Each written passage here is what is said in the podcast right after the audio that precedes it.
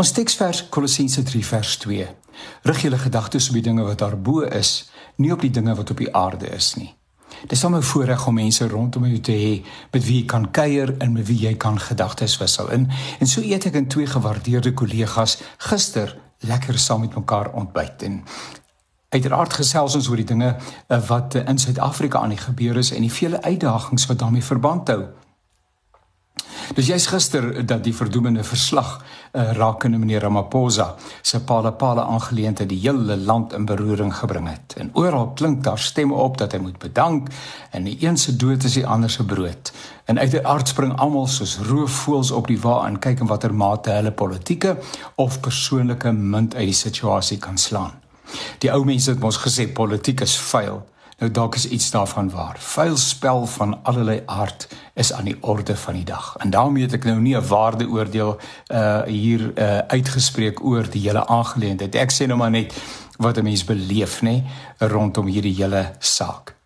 En dit neem nie lank nie of die atmosfeer rondom die tafel is somber en negatief en krities.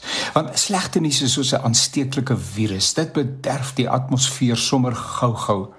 En uh, dan begin my kollegas vertel van die baie baie mooi dinge wat oral gebeur en so word die gees by die tafel weer lig en draaglik. Ek wonder of jy dalk dieselfde ervaring het. Uh dat uh, slegte nie so maklik is om oor te praat en dat dit die atmosfeer so somber maak en so bederf.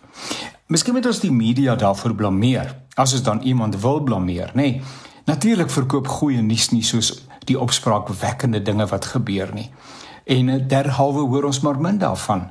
Maar dit is eintlik eers wanneer 'n mens bewus word van die glybaan waarop jy jouself bevind, wanneer jy so op die slegte konsentreer. Dis 'n glybaan na onder, na die diepte, die donker, na moedeloosheid en desperaatheid dat jy bewustelik die gesprek tot orde kan roep. Die lewe is te eenemale 'n allegaartjie. Goed en sleg is met mekaar vermeng. En op 'n manier gee dit smaak aan die lewe. Want is tog die sout en die peper, die soet en die suur, die bitter en die soet wat die lewe interessant en selfs die moeite werd maak. Ons het dit nodig, albei. Maar ons moet daarteen waak dat die peper, die suur en die bitter nie die gesprek oorneem nie. Na alles, God is steeds op die troon. Hy het nie en hy sal ook nie 'n handdoek ingooi nie. Hy abdikeer nie. Hy word nie in 'n staat van beskuldiging geplaas nie. hy is bo dit alles verhewe. Die Bybel sê immers: "Hoog bo die gedruis van baie water troon die Here in sy mag en majesteit."